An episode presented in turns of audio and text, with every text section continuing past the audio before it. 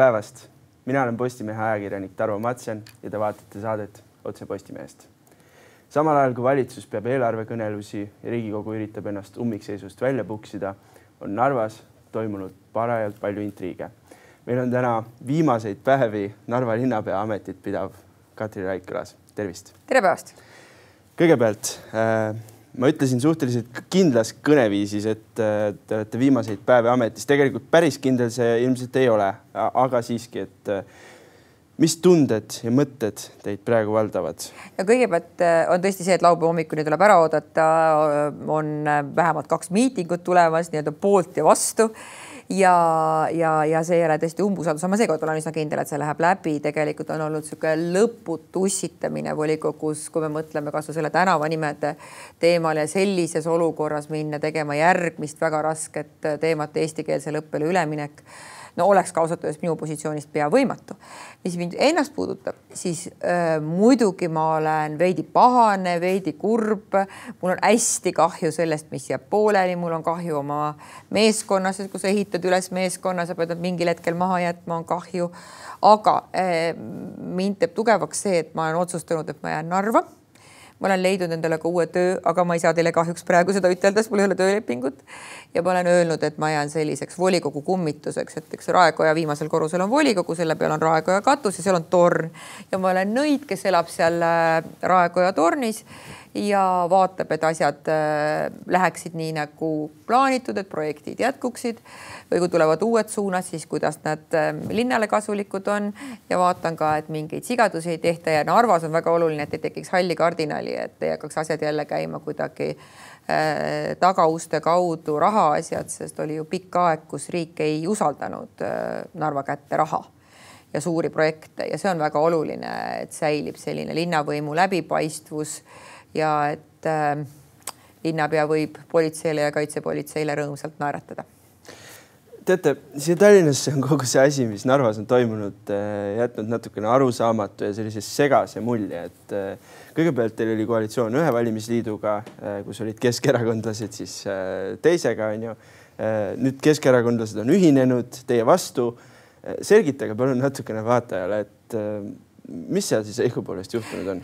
Tuleb tagasi minna ajalukku, tuhande üheksasaja üheksakümnendatel aastatel, kui kommunistlik partei lõpetas oma tegevuse, siis kõik Narva inimesed, kes tahtsid olla poliitiliselt aktiivsed, astusid üksmeelselt Keskerakonda. ja Keskerakond ongi ainus Eesti erakond, mis on tegelikult Narvas aktiivne, nii et ma pean olema ka enda suhtes äh, kriitiline, ise olles Sotsiaaldemokraatliku Erakonna liige, ma ei ole üleliia parteitööd just teinud, mis on isegi väga hästi öeldud. et Keskerakond on olnud aktiivne ja paljud inimesed on Keskerakonnast läbi käinud, inimesed, kes on Keskerakonnas, ei tähenda, et nad seal homme on, paljud inimesed on mitu korda välja astunud ja mitu korda sisse astunud. ja Keskerakond on mõnevõrra frantsiis, mida on kasutanud need inimesed, kes on Narvas võimul. see, mis praegu Narva inimesi pahaseks teeb, ongi see, et ma olen lubanud või lasknud läbi, et uuesti seesama võimukamp, kes oli ka kaks-kolm aastat tagasi võimul, on taas võimule tulemas ka minu jaoks on ausalt öeldes segane, kes on mis fraktsioonis, kes on kellega koos.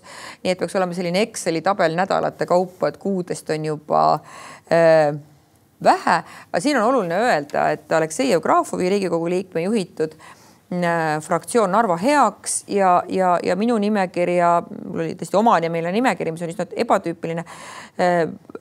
fraktsioon Respekt kirjutasid alla kuu aega tagasi koostööleppele ja sisuliselt üks osapool ehk äh, Aleksei Jevgrafov oma seltskonnaga taganes sellest lepingust, isegi informeerimata meid äh, sellest kõigest. see on äh, puhtakujuline reetmine, selle taga on Mihhail Kõlvart, kes, kellele tuleb anda au, et ta saab suure punktivõidu. ta tuli ja pani inimesed uuesti ühe laua taha, kellel oli sellist keskerakondlikku vanavõimu alget, see oleks lühidalt selle loo anatoomia, aga see isegi ka see ei olnud väga lühike ja väga selge, ma saan täitsa aru. Äh, te mainisite ikkagi Mihhail Kõlvartit, et et äh, mitmed väljaanded on rääkinud ka sellest, et ta hiljuti käis äh, Narvas, käis külas, äh, rääkis inimestega, rääkis ka teiega vist, kui ei. ma ei eksi, ei rääkinud. ei, ei, ei, kes siis nüüd ei, ei niimoodi need asjad ei käi, nii läbipaistvad asjad kunagi ei käi. minu teada Mihhail Kõlvart, Narva on mõnes mõttes nagu küll suur linn, Eesti suuruselt kolmas linn, aga, aga linn nagu küla, et kõik teavad, kes kellega õhtul väljas käis ja mis laua peal oli. et Mihhail Kõlvart käis jah, paar korda laua ka Narvas ja tal õnnestus siis need Äh, Keskerakonnaga seotud inimesed äh, tuua ühe laua taha ja neile selgelt öelda, et tuleb koonduda ühe mütsi äh, alla.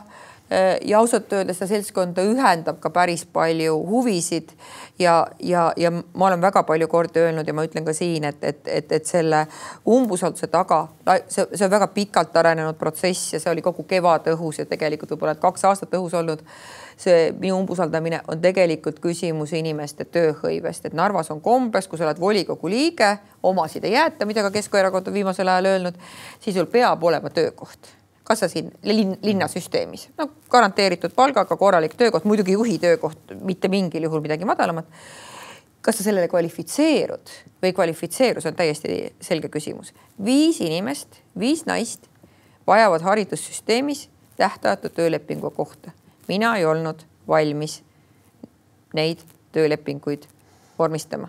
Ja see on tegelikult see patt, mis on ja siin ma luban väga täpselt vaadata, kas seda tehakse või ei tehta, sest väga suur järgmine asi, mis on Eesti ees, on eestikeelsele õppele üleminek. Ja kui me koolijuhtidele ja lasteaiajuhtidele teeme mööndusi, siis mida me õpetajatest üldse räägime, see on ju täiesti arusaadav.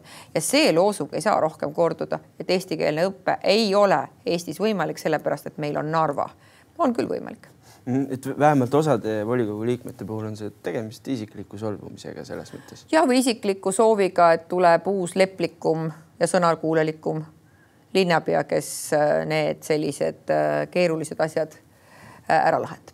Eestikeelsele haridusele üleminekust räägime veel hiljem edasi, aga peab ikkagi küsima, et te rääkisite Mihhail Kõlvartist, aga Yana Toomi nimi ei käinud läbi, et Yana Toom ei olnud kuidagi siis täiesti mõistlikum oleks muidugi rääkida Yana Toomist, kellel on ka, Yana Toom on Mihhail Kõlvarti väga lähedane kaasvõitleja, me teame seda kõik Yana Toomil on ka terve hulk isiklikku solvumist, sest kunagi ta pidi Narvast ära minema.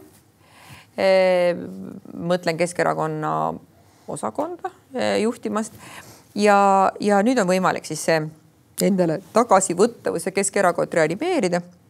et vaieldamatult on see jah, ka Yana Toomi ja Mihhail Kõlvarti projekt ja peale selle äh, Aleksei Jevgrafov on ka siis äh, Yana Toomi usin õpilane tuleb ju ka teisi poliitikuid kiita, tegelikult tubli töö. aga mis edasi saab ja mida sellest võidavad Narva inimesed ja kes saab järgmiseks linnapeaks, mind teeb murelikuks see, et linnapea kandidaat ei ole sest tegelikult inimest, kes võtaks enda peale nelja tuhande euro eest kuus, mis on linnapea palk, äh, eestikeelsele õppele ülemineku, äh, veel mõned mälestusmärgid, mis linnas on. Tänavanimede sildid on vahetatud, seda pole vaja enam võtta, aga Eesti, aga tõesti kõik ka suurprojektid, Narva haigla ehitamine, ühe suure koolihoone ehitamine, vähemalt ühe kooli kinnipanemine. esimese septembri seisuga meil oli linnas kakssada kaheksakümmend lasteaiakohta, kuigi me oleme neli lasteaeda kinni pannud, mis oli ka väga raske otsus, peab neid veel tegema, ilmselt neid otsuseid, ta peab vähemalt kaaluma seda kõike teha. Neid projekte ja tegevusi on nii palju ja ausalt öeldes koolide ja lasteaedade sulgemine, eestikeelsele õppele üleminek venekeelses keskkonnas Äh, meil on viiskümmend kolm pool tuhat inimest ja nendest emakeelena eesti keelt kõneleb äh, kodus tuhat kakssada inimest. see on väga suur töö, see ei ole mingisugune selline mm, sõrmenipsust ja tehke ära. kuulge, aga kõik need asjad, mis te nimetasite, tänavanimed, eestikeelne haridus, äh, monumendid ja nii edasi, see seltskond ju tegelikult ei tahagi neid muudatusi läbi viia. või ma eksin? no kui vaadata senist äh, Michal Kõlvarti äh, väljaütlemisi, siis pigem, eks ju, äh, loosung Vene kooli säilimine paistab väga selgelt välja. Mihhail Kõlvart on hea poliitik, ta varjutab seda niimoodi kuidagi ilusamini. aga väga kurb on see, kui Narva kooliõpetajatest tekib jälle lootus, et äkki saab ilma eesti keeleta läbi, et praegu on sada kooliõpetajat lõpuks alustanud eesti keele õpet erinevatel tasemetel muidugi, toimub õpetajate ümberõpe ligi kahekümne viiele inimesele Tartu Ülikooli Narva kolledžis, kõik see käib riigi toel. Mm, kui, kui, kui, kui need õpetajad jälle ütlevad, et ah, küll saab ja küll siis nüüd Keskerakond kaitseb, eks ju, siis Mihhail Kõlvart ja Yana Toom ei tee Eesti Vabariigis seadusi. see asi enam ei muutu, see eestikeelsele õppele üleminek, sellega tuleb kohaneda.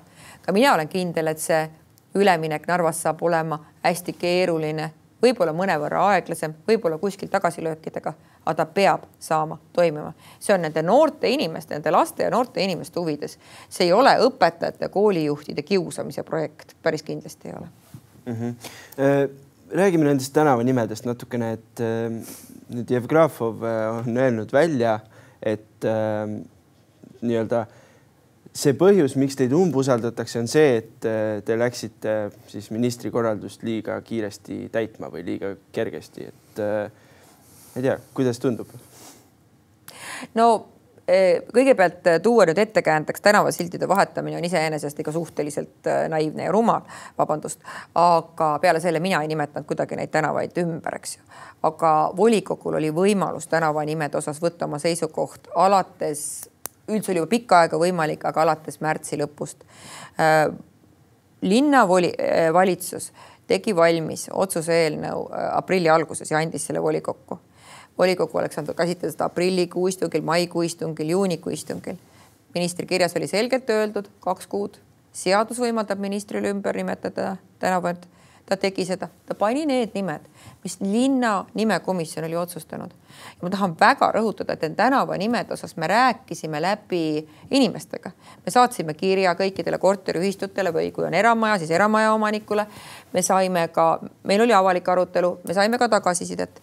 tagasisides oli tõesti üks inimene protestis, me tahtsime ümber nimetada ka Partissani, proletariaadi ja Esimese Mai tänava, et keegi nende tänavanimede juurde enam tagasi peaks pöörduma, aga seda praegu ei teinud ka minister, see on niisugune vaieldavam osa, aga proletariaadi tänav oli ainus, kus tuli protest. ülejäänud küsimused olid see, ega ma midagi selle eest maksma ei pea meil oli ka reservfondis eraldi rahakotikene selleks, kui keegi tuleb ütlema, et mina pidin midagi maksma sellepärast, et mu tänavanimi ümber nimetati, seda ei juhtunud. nii et see kõik oli absoluutselt demokraatlikult läbi räägitud linna elanikega, selle tänavate elanikega. linna inimesed rehmavad käega meil olid veel ka mõned mälestustahvlid, mille ühe võttis just korteriühistu maha vabatahtlikult ilma igasuguse ettekirjutuseta, sest noh, kaua võib. inimeste mure Narvas ei ole tänavanimed. tankist kindlasti veel vahel viinaklaasi taga või õlleklaasi taga, eks ju, köögilauas räägitakse, vaieldamatult räägitakse, räägitakse võib-olla veel ka viie aasta pärast, see on paratamatu. aga inimeste mure on, kuidas toime tulla linna tulumaksu laekumine väheneb, see tähendab, inimesed kaotavad töö ja see teeb murelikuks praegu. ma loodan, et see oli mingi ühekuine hälve, aga, aga võib-olla ka mitte.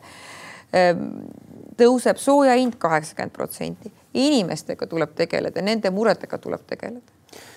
mis ikkagi volikogu liikmete peas äh, võiks toimuda, et kas, äh, kas asi on selles, et äh, neil on nagu ajaloost teistsugune arusaam või, või on neil praegusest olukorrast teistsugune arusaam, et nad ei mõista seda, miks praegu äh, nii-öelda minister tahab neid maha võtta? no kõigepealt peab alustama tõesti nagu ajaloo ettekujutusest, et, et ja me ei saa rääkida kõigist Narva inimestest, mul on kole kahju, kui eks ju Aleksei Jevgrafovi mm, väljaütlemisi pannakse Narva inimeste pähe, eks ju. sai kohalike omavalitsuse valimistel tuhat häält, mina vabandust, on neli tuhat viissada häält. et ärme ütleme, et need on kõik Narva inimesed ja ärme arvame, et kõik nii mõtlevad, aga tõepoolest neid inimesi on palju, kes, kes ütlevad ja see ongi põhivastuolu eesti ja venekeelsete inimeste vahel. eestlaste jaoks on teise maailmasõja lõpp ühe okupatsiooni ja teise okupatsiooni algus. me tahtsime ju olla uuesti, omada oma riiki, mis, mis ei olnud võimalik. aga tõesti suure hulga narvalaste jaoks on see võit fašismi üle ja kõik ja seetõttu need inimesed, kes seda võitu fašismi üle meile tõid, tõesti need noored mehed, kelle nimelisi tänavaid praegu ümber vahetada, on kahekümne ühe kuni kolmekümne ühe aastased mehed, kes olid sündinud Eestist eemal, surid veebruaris või, või juunis siin äh, meie pinnal. Need on nende inimeste jaoks kangelased, osade Narva inimeste jaoks.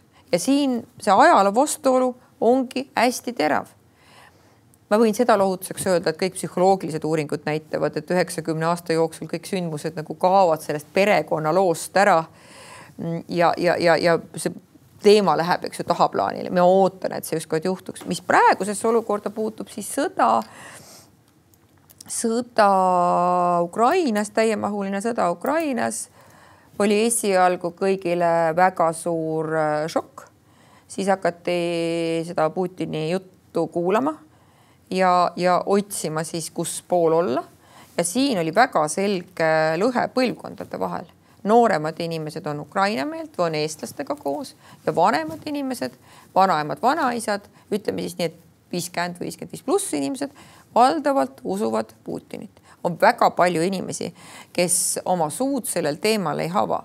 see on nagu vanasti oli seda üheksas mai.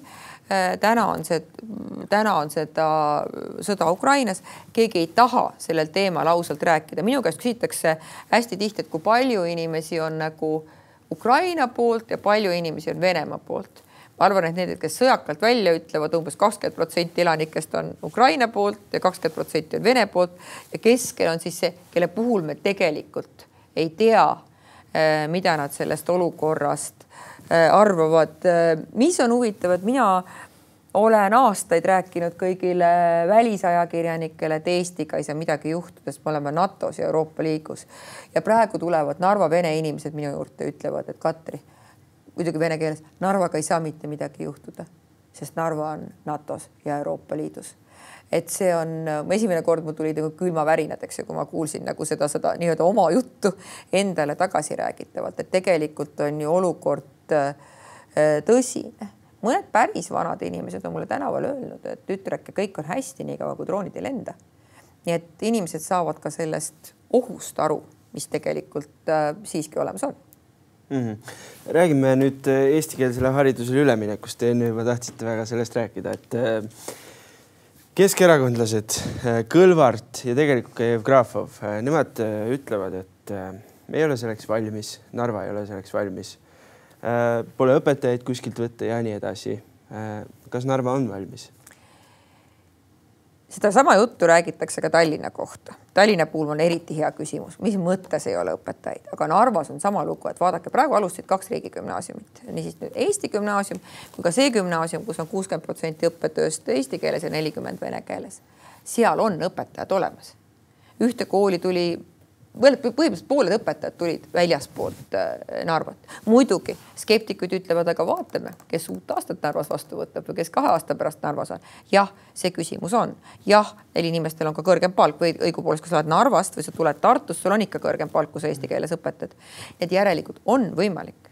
munitsipaalkoolidesse tuli praegu seitse eestikeelset õpetajat ainult, sest rohkem ei olnud ka väga konkursse välja kuulutatud. nii et õpetajaid eriti kui säilib see Ida-Viru erisus kõrgema palgaga. seda on tehtud üle Euroopa kõigis integratsiooniprotsessides, kõigis Euroopa riikides, et seda on rahaga kinni maetud. Ja, või kinni makstud. Ja nii tehakse seda ka praegu meil. ma usun, et leitakse õpetajad. Ja oma õpetajatele tuleb võimalus anda, oma õpetajad õpivad ka praegu eesti keelt, oma õpetajatel on ümberõpe, oma õpetajaid tuleb äh, toetada. Kolmandik Narva inimestest, kogu elanikkonnast ütleb, et nad oskavad eesti keelt, see on muidugi enesehinnang, see sõltub, eks ju, võib-olla noh, keegi ütleb, et oskab, kui ta ütleb paar lauset ja teine ütleb, et ta ei oska siis, kui ta räägib sisuliselt äh, vabalt. nii et tegelikult on väga palju tahtmisest kinni. Ja ma vist juba ennist ütlesin, et meie haridusasutused teevad praegu endale individuaalseid üleminekukavasid, nii me oleme kokku leppinud, ma loodan, et see poliitika jätkub, siis me näeme kui palju on õpetajaid ja kus puudu. lasteaias esimesel septembril kaks tuhat kakskümmend neli peab algama eestikeelne õppetöö. meil on, kui ma ju mälu mind ei peta, üle üheksakümne lasteaiaõpetaja, kes oskavad C1 tasemel eesti keelt ja meil on sada kuuskümmend seitse lasteaiaõpetajat, kes ei oska C1 tasemel eesti keelt, kolmandik ja kaks kolmandikku mõned nendest kindlasti sooritavad eesti keele eksami, aga ärme unustame, ka õpilaste arv väheneb, et kui tulevad Narvast need sellised traagilised uudised, et õpetaja kaotas töö, eh, siis jah, tihti ta tuleb ka sellest, et õpilaste arv väheneb väga kiiresti. et mina väidan, et õp-, õpetajatega õpilasi, õpetajaid on võimalik leida. Eh, kui keegi ütleb, et ei ole metoodikat või ei ole õppematerjale, siis see inimene on pahatahtlik, sügavalt pahatahtlik Eestis on kakskümmend aastat edukalt töötanud keelekümblusku metoodika. mm, okei okay,, keelekümbluses tihti minnakse hiljem üle nii, et osa õppeaineid on e-, vene keeles, eks ju, aga seal on erinevad mudelid, igal juhul metoodika on olemas, õppematerjalid on olemas, õpetajad on olemas, õpilastega ei juhtu midagi halba, seda on elu näidanud, väga edukas vanaline riigikool kakskümmend aastat keelekümblusmetoodika järgi töötanud. Eesti kooli kasvas konkurss Eesti gümnaasiumisse, tulid õpilased üheteistkümnendasse klassi, et õppida kaks aastat eesti keeles, et minna siis, eks ju, eestikeelsesse ülikooli. probleem on osades õpetajates, probleem on osades koolijuhtides. ja, ja, ja lastevanematega tuleb hulga tööd teha. lastevanematele tuleb selgitada, selgitada ja selgitada ja veel kord selgitada, asi ei ole lootusetu ja veel kord väga vastutustundetu on jätta Narva lapsed isolatsiooni ja õpetada neid vene keeles, täiesti vene keeles edasi. muide, ühe asja ma tahan veel öelda, et mina isiklikult leian, et vene keel kui emakeel kui õppeainena peab säilima, siin ma olen Mihhail Kõlvartiga ühte meelt mm. -hmm. lihtsalt, et eh, noh, tekib selline nagu nõutu küsimus selle osas, et eh, kui keskerakondlased praegu näitavad välja et äh, neil ei ole nagu soovigi seda teha, nagu te ise ütlesite, et asi. kui soovi ei ole, siis ei tule mitte midagi välja. et siis ei tule ju mitte midagi välja ja siis nagu ei hakkagi midagi muutuma, et selle teema puhul äh, on ju küsimus selles, et äh, kui me ühel hetkel seda lihtsalt ei tee või ei sunni läbi, siis me ei saagi seda mitte kuidagi. no vaatame ajalukku, tegelikult kaks tuhat seitse oli viimane poliitiline otsus, eks ju, kui mindi üle gümnaasiumis osaliselt eestikeelsele õppele. kahe tuhande seitsmendast kahe tuhande kahekümne kolmanda aastani ei olnud mitte mingisugust, eks ju poliitilist tahet seda sammu ära teha, see on väga pikk aeg ma töötasin siis ise Haridus- ja Teadusministeeriumis, kui oli üleminek osalisele eestikeelsele õppele gümnaasiumis. kui me siis oleksime kohe tegelenud ka lasteaiaga, oleks see teema sisuliselt olnud unustatud. praegu teha mingit sammu tagasi on äh, Äh, lihtsalt poliitiliselt lubamatu ja kui ajada Ida-Virumaal mingisugust segast juttu, et, et eesti keelt ei ole vaja või, või lükkame edasi, kuhu me siis lükkame, me oleme lükanud edasi ikkagi juba paarkümmend aastat. Jumala eest, ainult et õpetajad praegu alla ei annaks ja keelekursustelt ära ei tuleks, eks ju et läheme edasi nagu samm-sammult, iga päev väike samm kindlas suunas. mul tuli praegu mõte, et ma peaks pakkuma ennast Mihhail Kõlvartile Mm, Tallinnas äh, abilinnapeaks näiteks eestikeelse õppe alal või projektijuhiks. aga kahjuks mul on töökoht olemas, ma ei saa seda teha. aga sotsid on ju tegelikult Tallinnas koalitsioonis, nii et aga äh, muide, kuidas teil seal volikogus selle keeleoskusega on äh,? ei ole hästi, no selles mõttes, et umbes pooled volikogu liikmetest tegelikult äh, saaksid sellest jutust, mida meie teiega praegu räägime, aru Ehm, osad inimesed suudavad dokumentidega, eks ju, äh, töötada. Mõneski mõttes vähemalt paberi pealt eesti keelt on lugema õpitud, vahel ma isegi olen imestunud, et, et, et nii hästi kukub juba välja, et kui harjutada, kui hakata peale, hakkab ka välja kukkuma, nii et see volikogu on ka selles mõttes ja see selline näide, volikogu istungid toimuvad kindlasti eesti keeles, sest uus volikogu esimees Irina Janovitš eesti keelt valdab, punkt, aga aga küsimus on komisjonide töös, mis tegelikult toimuvad vene keeles ja Narva volikogu kutsus endale ise keeleinspektsiooni külla, küsides, ega, ega volikogu komisjonid juhuslikult ei või vene keeles töötada. nii et komisjonid siiski töötavad valdavalt vene keeles, kuidas see töö peaks olema korraldatud, seda peaks volikogu esimees äh, mõtlema. Äh, igal juhul eesti keeles peaks seal äh, hakkama saama sisuliselt ikkagi kõik sisuarutelud toimuvad äh, vene keeles, nagu me, nagu me minusugused Narvas nalja teeme, et integratsioon on Eestis täiesti edukas, meie räägime vabalt vene keelt. Äh, selles mõttes on see ju hästi vastuoluline teema olnud, et äh,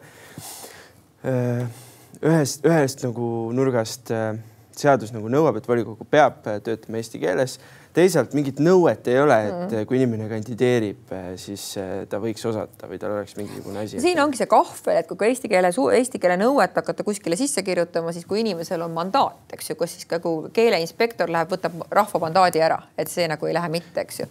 küsimus on ka rohkem, eks ju, enesehinnangus, et kas sa ikkagi siis kandideerid, kui sa saad aru, et sa sisuliselt nagu väga tööd teha ei saa Eh, eks sellest keelenõude kehtestamisest ole ka olnud ju juttu, praeguse valitsuse laual ei ole. ju see oleks mõistlik siis sellisel viisil, et inimene kirjutab alla, et mina valdan, eks ju, eesti keelt tööks vajalikul tasemel, siis me hakkame vaidlema, mis asi on tööks vajalik tase. ma saan aru, et selliseid volikogusid on jäänud siiski Narva, Sillamäe, Kohtla-Järve, Maardu, et, et, et Jõhvis ja Tallinnas on see äh, teema välja surnud, nii olen ma nende volikogude liikmetega äh, rääkinud, aga, aga ka Narva elu on läinud märkimisväärsemalt eestikeelseks, eestikeelsemaks. ei ole enam totaalset tõlkimist kõikidel üritustel, on kõnesid, mida võib pidada ainult eesti keeles on täiesti vastuvõetav, et sa kõneled pikemalt eesti keeles ja teed siis venekeelse kokkuvõtte. Eile õnnitlesime oma vastsündinuid, noored lapsevanemad valdavalt vastasid noh, mulle eesti keeles paar sõna see ei ole ka siis, ega siis vastsündinu õnnitlemine ei ole muidugi keelekontroll, aga ma tahan sellega öelda, et tegelikult on väga palju, kuidas me ise käitume, kuidas me ise seda olukorda esitame. me peame rohkem tegema Eesti moodi üritusi, me tegime esimest korda eelmisel aastal äh, Narvas jõuluküla. ka ülejäänud Ida-Virumaa eestlased sõitsid kokku me tegime tänavu aasta linnapäevi ja, li ja vana energiajooksu, nüüdsed linnajooksu koos, terve linn oli eestlasi täis. kohalikud inimesed rõõmustasid, et meile külla tullakse. peame ise pingutama, peame kõik pingutama. Ehm, et äh, narvalased tunneksid, et mitte ainult nemad ei pea, vaid, vaid, vaid see sobib ka tõepoolest ülejäänud Eestile ja eestlastele, mis Narvas toimub, et ma kutsun üles olema Narva inimestega kannatlik aga näitama ka oma head tahet, kasvõi Narvat külastades. Keeleteema lõpetuseks. Ütleme, et näiteks mina noore inimesena tahangi tulla Narvasse õpetajaks, aga ma ei oska vene keelt, kas ma saan Narvas siis hakkama? Ma annan teile kohe kahe koolidirektori telefoninumbrid, et neile helistada. Te saate hakkama päris kindlasti, veel kord kolmkümmend protsenti, eks ju, elanikkonnast kinnitab, et nad oskavad eesti keelt. paljud minu tuttavad käivad iga aasta umbes kontrollimas, et noh, mis värk on teenindatud saab äh, eesti ja vene keeles. eks mul ole ka vahepeal kurb, kui Prisma kassapidaja oma palgaga oskab, eks ju, äh, paremini eesti keelt kui, kui volikogu äh, liige kui mõni volikogu liige saab hakkama, päris kindlasti saab hakkama, isegi ingliskeelset teenindust on olemas.